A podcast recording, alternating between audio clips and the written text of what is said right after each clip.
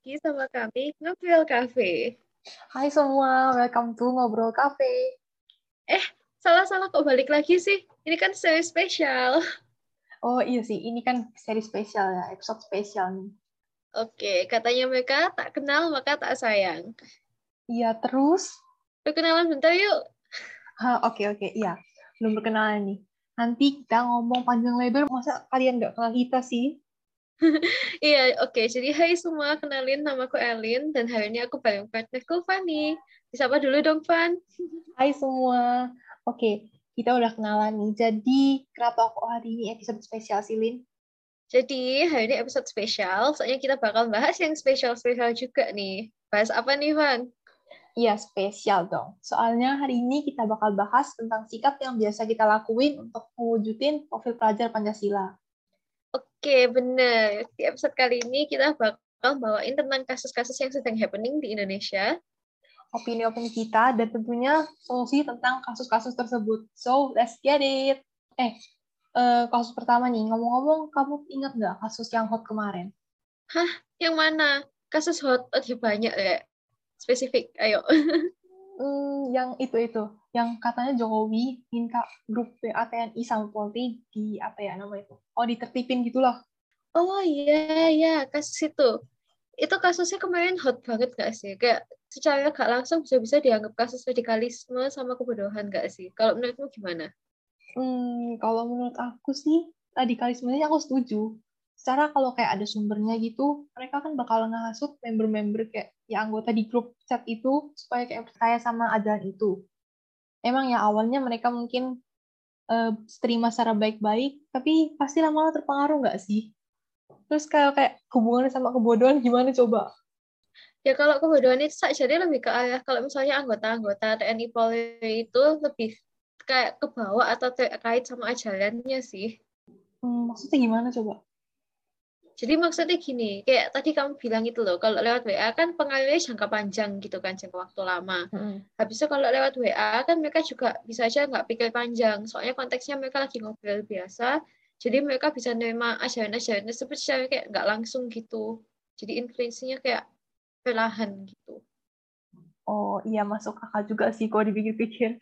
Soalnya kan kayak gimana ya mereka udah nyaman gitu ngobrol kan ya sama teman udah percaya gitu sama sama teman sama temennya adalah kayak aku nyaman ngobrol sama dia. Oh, walaupun ujungnya juga friendzone. Wah aku mau lewat ini yang tambah yang tambah entar cari yang baru aja nanti. Oke okay, oke okay, back to topic. Cuman susah juga sih ya kalau mereka kan udah terpengaruh soalnya kan istilahnya mereka ini defense sistemnya negara. Jadi kalau otomatis negara jadi nggak aman kalau mereka bakal ikut dalam ajaran-ajaran itu. Dan juga mereka juga berada dari pemerintahan juga kan, jadi juga membahayakan negara juga sih.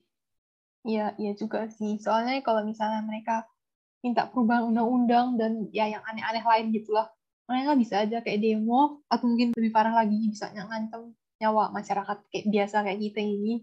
Ya, terus kita gimana? Masa kita antar pindah negara? Eh, eh bentar bentar.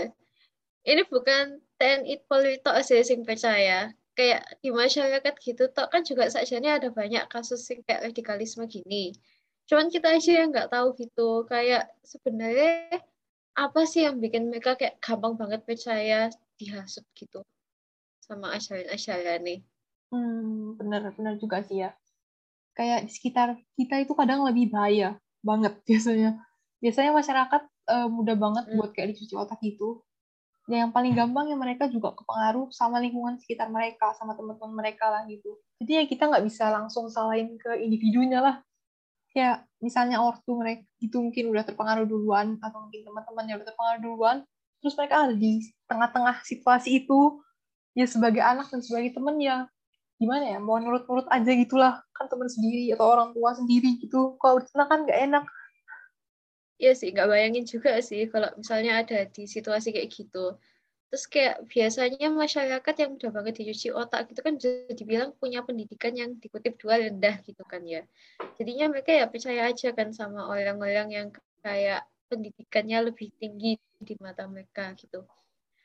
Jadi mereka percaya aja, jadi kayak paling gampang sih kalau sekarang loh ya, jujur aja pakai gedok-gedok agama. Soalnya kan mereka juga masih ma, apa ya namanya? meyakini agama mereka. Jadi mereka itu yakin kalau sama agama. Ya, iya bener sih. Kayak kok iso sih? Kayak agama itu loh harusnya kayak dunia yang baik-baik. Bukan kayak disalahgunain gitu coba. Aduh pendidikan mereka bisa ditanyakan juga nggak sih? Kayak apakah mereka itu benar-benar pendidikan atau kayak cuma dibuat-buat supaya bisa nyuci otak masyarakat gitu? Ya iya makanya. Tapi kan kita gak bisa mastiin gitu loh eh ngomong-ngomong tentang pendidikan aku jadi inget Pak. Kemarin pernah baca tentang kayak kasus kurangnya bahan pendidikan di Indonesia gitu. Oh iya, iya. Kemarin ada aku juga ada baca sih kasus ini. Cuman uh, paham sih kok bisa gitu. Bangsa Indonesia kurang uh, bahan pendidikannya gitu. Soalnya yang aku tahu sih Indonesia ini pendidikannya ya masih mahal. Jadi kayak orang kurang mampu itu susah buat dapat pendidikan yang dalam artian layak gitu.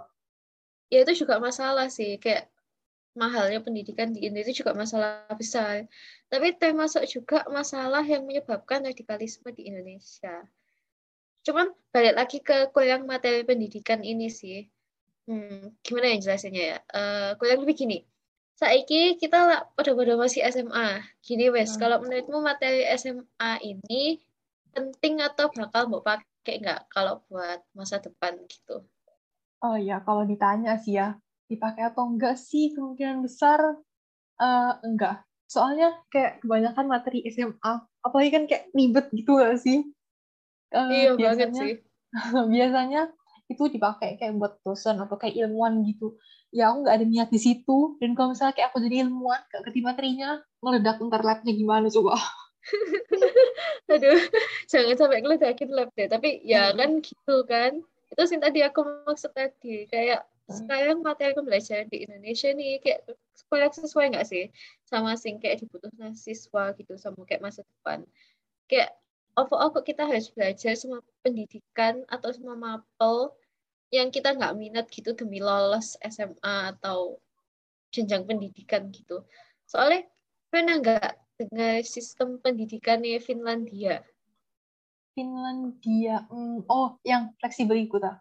Sing kayak muridnya yes. bisa pilih eh, milih sendiri, kayak mau mereka mau belajar apa aja di sekolah, terus tapi ada mata tertentu yang harus diwajibin. Kalau nggak salah, Finlandia juga masuk sistem pendidikannya bagus gitu nggak sih? Yes, yes, benar sing itu bener juga sistem mereka itu sing paling diakui terbaik buat sementara ini loh ya hmm. nek dibayangin aja kayak ada sistem kayak gitu di Indo kayak berapa banyak waktu sing bisa kita manfaatin kayak lebih efektif gitu ketimbang belajar sing kayak ending-endingnya nggak kita pakai buat masa depan ha iya bener-bener sih nggak salah itu bener banget kayak tapi tetap aja kayak beberapa mapel ada yang wajib kayak mat gitu kalau misalnya nggak ada dasarnya itu kayak bakal lebih bahaya nggak sih? Soalnya mata tetap pakai dalam kehidupan sehari-hari. Ya gak salah sih, kayak jujur mat susah sih kalau SMA. Tapi kayak hmm. kita sekarang SMA milih jurusan, tapi kayak masih akan milih IPA atau IPS kan kayak tetap dua-duanya pasti ada matnya sedikit gitu lah, sedikit banyak tergantung jurusan. Iya tuh bener bener banget. Apalagi kalau misalnya kita um, tahun depan ini kan masih minis jurusan kuliah Oh, iya woi. Uh. Parah-parah. Oke, oke. Ini kasus yang kita bahas nih, dikit dulu nih. Kayaknya udah lumayan kita ngomong. Udah panas otaknya. iya, iya. Oke guys, kita lanjut sesi dua setelah yang berikut ini.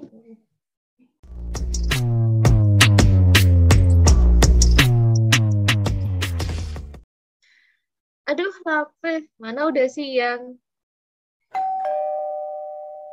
Wah, pas banget nih. Eh, bentar, bentar, bentar. Aku tak ambil makan dulu ya. Tadi pesan di GoFood. Ih, kok gak ngajak-ngajak sih aku lapar. Ya, wes wes ambilin sih makananmu.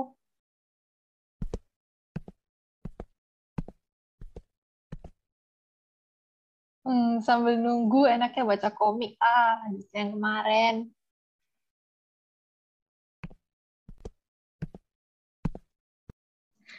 Hola, aku balik. eh, lagi baca apa sih kamu? Kok saya spol sampai aku dikacang, gila. Ini dikacangi lagi kan. Halo, somebody. Eh, maaf, maaf, maaf. Tadi lagi serius. Habisnya komiknya seru sih. Emang kamu baca komik apa sih? Oh, ini, ini. Judulnya Virgo and the Sparklings, karya Anissa Nisfihani dan Eligo. Orang Indo juga loh, oh. recommended banget deh kalau kamu membaca. Oh, oke. Okay. Tapi tumben kamu baca komik karya anak bangsa. Biasanya kan juga drakor Ih, gini-gini, walaupun seneng drakor, tapi bangga sama karya anak bangsa lah. Karya anak bangsa tuh diibaratin kalau ketemu orang, terus cocok ngobrolnya. Dan ditemuin, tapi sekali ketemu langsung curhat dah. Kayak aku sama kamu. Ih, manis banget nih.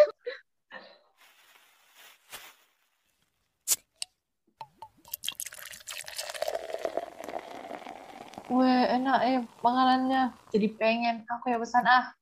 Mari kita scroll-scroll GoFood dulu. Terus udah nih, ayo kita check out. Ya, saldoku kurang. Kasihan deh lu. Udah ya, sekian. Dari mana Asip? Disclaimer, ini bukan ikan asli. Cuman biar kalian ngakak dan nggak ngantuk. Yeay.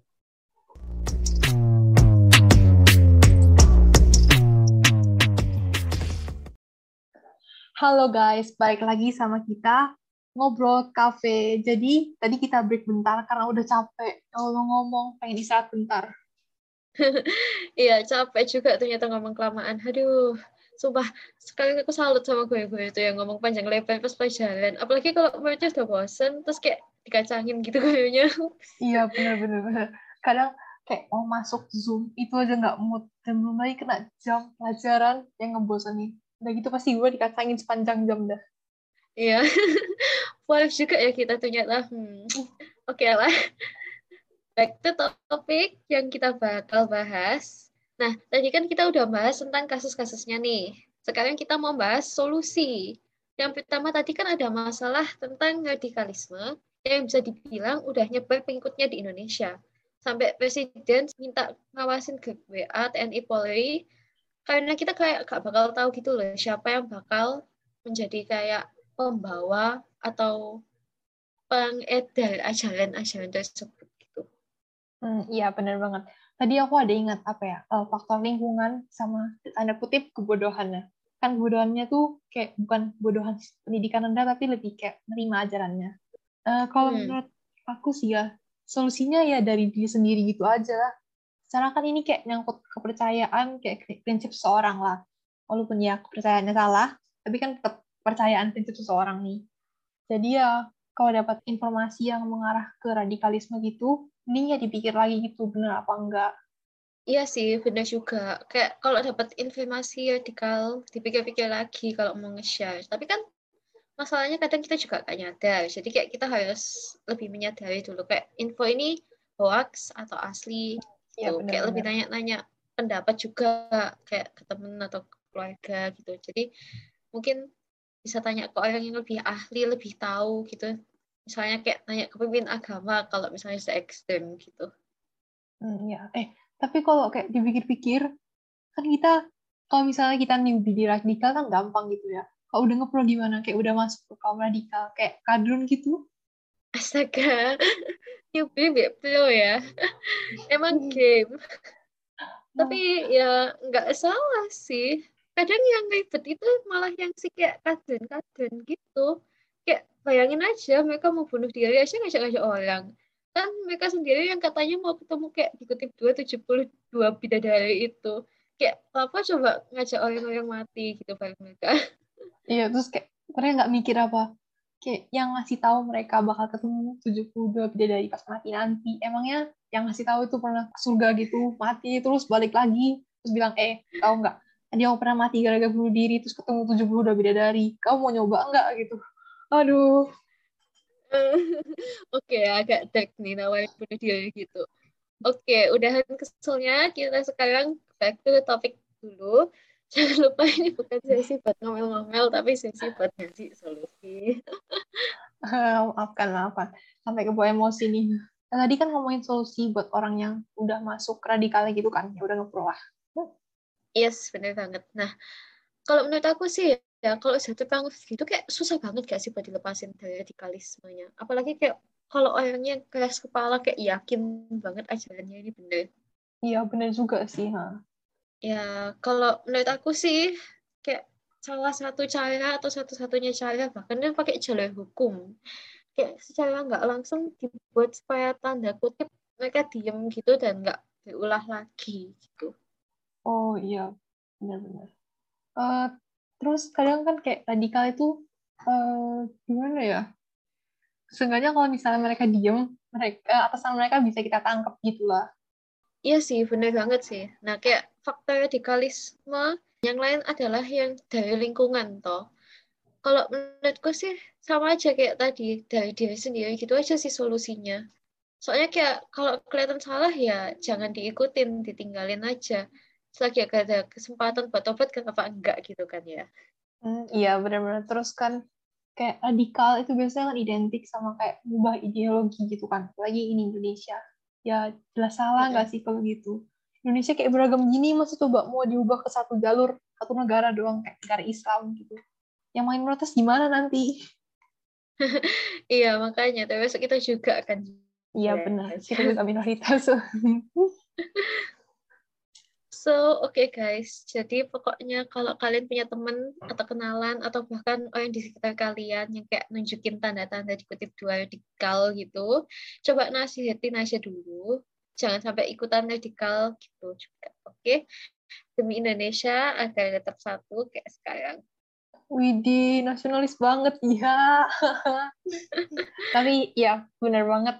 Kita harus bahasnya radikalisme supaya Indonesia tetap aman, damai, sejahtera dan tetap Indonesia gitu. Bukan kayak negara satu uh, satu agama aja gitu. Ya oke. Okay. lanjut ya kita. Masuk ke solusi buat pendidikan di Indonesia. Tadi kan di sesi satu kita bahas tentang sistem pendidikan Indonesia nih. Hmm, oke okay, iya benar. Sebenarnya yang harus mulai perbaikin pendidikan di Indonesia siapa ya? Uh, kayak kita yang harus buat sadar pemerintah atau kayak pemerintah Indonesia yang harus kayak sadar sendiri gitu Hmm, kalau menurutku sih lo ya, kita bisa aja buat pemerintah sadar gitu. Cuman dari pemerintahnya juga harus lebih sadar dan evaluasi kembali apakah sistem pendidikan mereka itu sudah efektif. Kalau belum, mungkin bisa diubah pelan-pelan gitu juga supaya muridnya nggak kayak kaget gitu. Soalnya kalau inget dulu ada kasus yang tiba-tiba kurikulumnya berubah kan muridnya pada kaget semua tuh, terus nilainya jeblok semua kasihan juga. Tapi kayak akhir-akhir ini pemerintah ini sudah nyuruh sih kayak buat ningkatin literasi kita juga lewat AKM gitu kan. Jadi saat ini kita kan sudah mulai kayak dapat cara belajar atau tipe belajar lain gitu sih. Hmm, ya AKM kemarin kan yang tahun lalu eh bulan Oktober kalau nggak salah. Iya iya. Cuman ya kalau menurutku pemerintah ini uh, bikin perubahannya kayak terlalu drastis gak sih? Soalnya ini juga perlu waktu buat menyesuaikan dan ya harusnya kayak perubahannya boleh. Cuman ya perlahan-lahan gitulah nggak langsung tahu oke besok kita kayak gini besok saya gini lagi. Supaya yang murid-murid kaget juga. Iya iya bener banget. Soalnya inget tuh yang kasus waktu mungkin kurikulum K13 ya itu aduh. Oh, ya bener aku sempat kena itu sih. Wah. Iya kasihan banget tuh nilaiku. Sama. Tapi bisa juga enggak sih kayak sebenarnya dari kayak gurunya juga gitu. Jadi kayak nggak bahas materi melulu-lulu gitu. Jadi kayak sekali-sekali bahas tentang kayak soal atau mungkin game mungkin supaya kita juga nggak bosen. Kayak mudah-mudahan bisa akrab sama temen juga tambahan kan sama gurunya juga. Supaya kayak mungkin kalau pakai game kan gara-gara serius kan materinya akhirnya lebih masuk di kepala gitu juga. Nah iya iya nggak salah nggak salah. Tapi kayak menurutku dari kita juga harus berubah nggak sih? Kita nggak bisa kayak nuntut orang buat berubah terus. Kayak kita bisa uh, coba buat kreatif gitu atau mungkin kayak kritis mikirnya kalau misalnya ada tugas-tugas atau kayak misalnya ada acara gitu. Hmm nggak salah. Cuman kalau ngomong-ngomong tentang tugas gini jadi ingat sih mungkin kalau soal tugas-tugas ini yang dikasih ke murid bisa kayak dikurangin atau dibikin lebih fleksibel juga sih. Kan kasihan juga kalau muridnya begadang terus buat bikin oh. tugasnya sampai pusing-pusing dia gitu. Oh iya, iya benar sih. Aku setuju kayak setuju seribu persen soalnya kayak kemarin okay. aku bikin tugas sampai begadang dia ya Allah itu pun ya belum selesai yeah. masih ada yang kurang Oh. Ah, emang tugas itu oh, bikin kasihan waktu drakorku aku bagian baca komikku juga. Iya, iya drakorku juga. Uh. Oke. Okay. Jadi kita udah ngobrol berapa lama nih? Hmm, kayaknya udah kayak hampir 20 menitan deh. Oke, tidak kerasa ya. Hah, tidak terasa dari mananya ya? Maaf ya, tidak terasa dari mana. Ini kita udah break loh, gara-gara iklan tadi. Suara udah mau habis, capek lama banget kita ngobrol. Tapi kita okay, juga okay, udah habis. Dan otak udah panas gini. Hmm. iya nih. Kayaknya habis ini aku butuh kompres otak nih biar otakku gak meledak kebanyakan info. hmm, boleh, boleh. Oke, oke. Okay, okay. Udah, udah. Let's wrap it out. Oke, okay, so thank you semua yang sudah dengan kita ngobrol selama ini. Semoga kalian dapat something dari ngobrol-ngobrol kita hari ini. Jangan lupa untuk tetap bahagia dan sehat. Bunga harum alma melati. Harum menghiasi hari ini. Podcast kita sampai di sini. Sampai ketemu lagi. Bye-bye.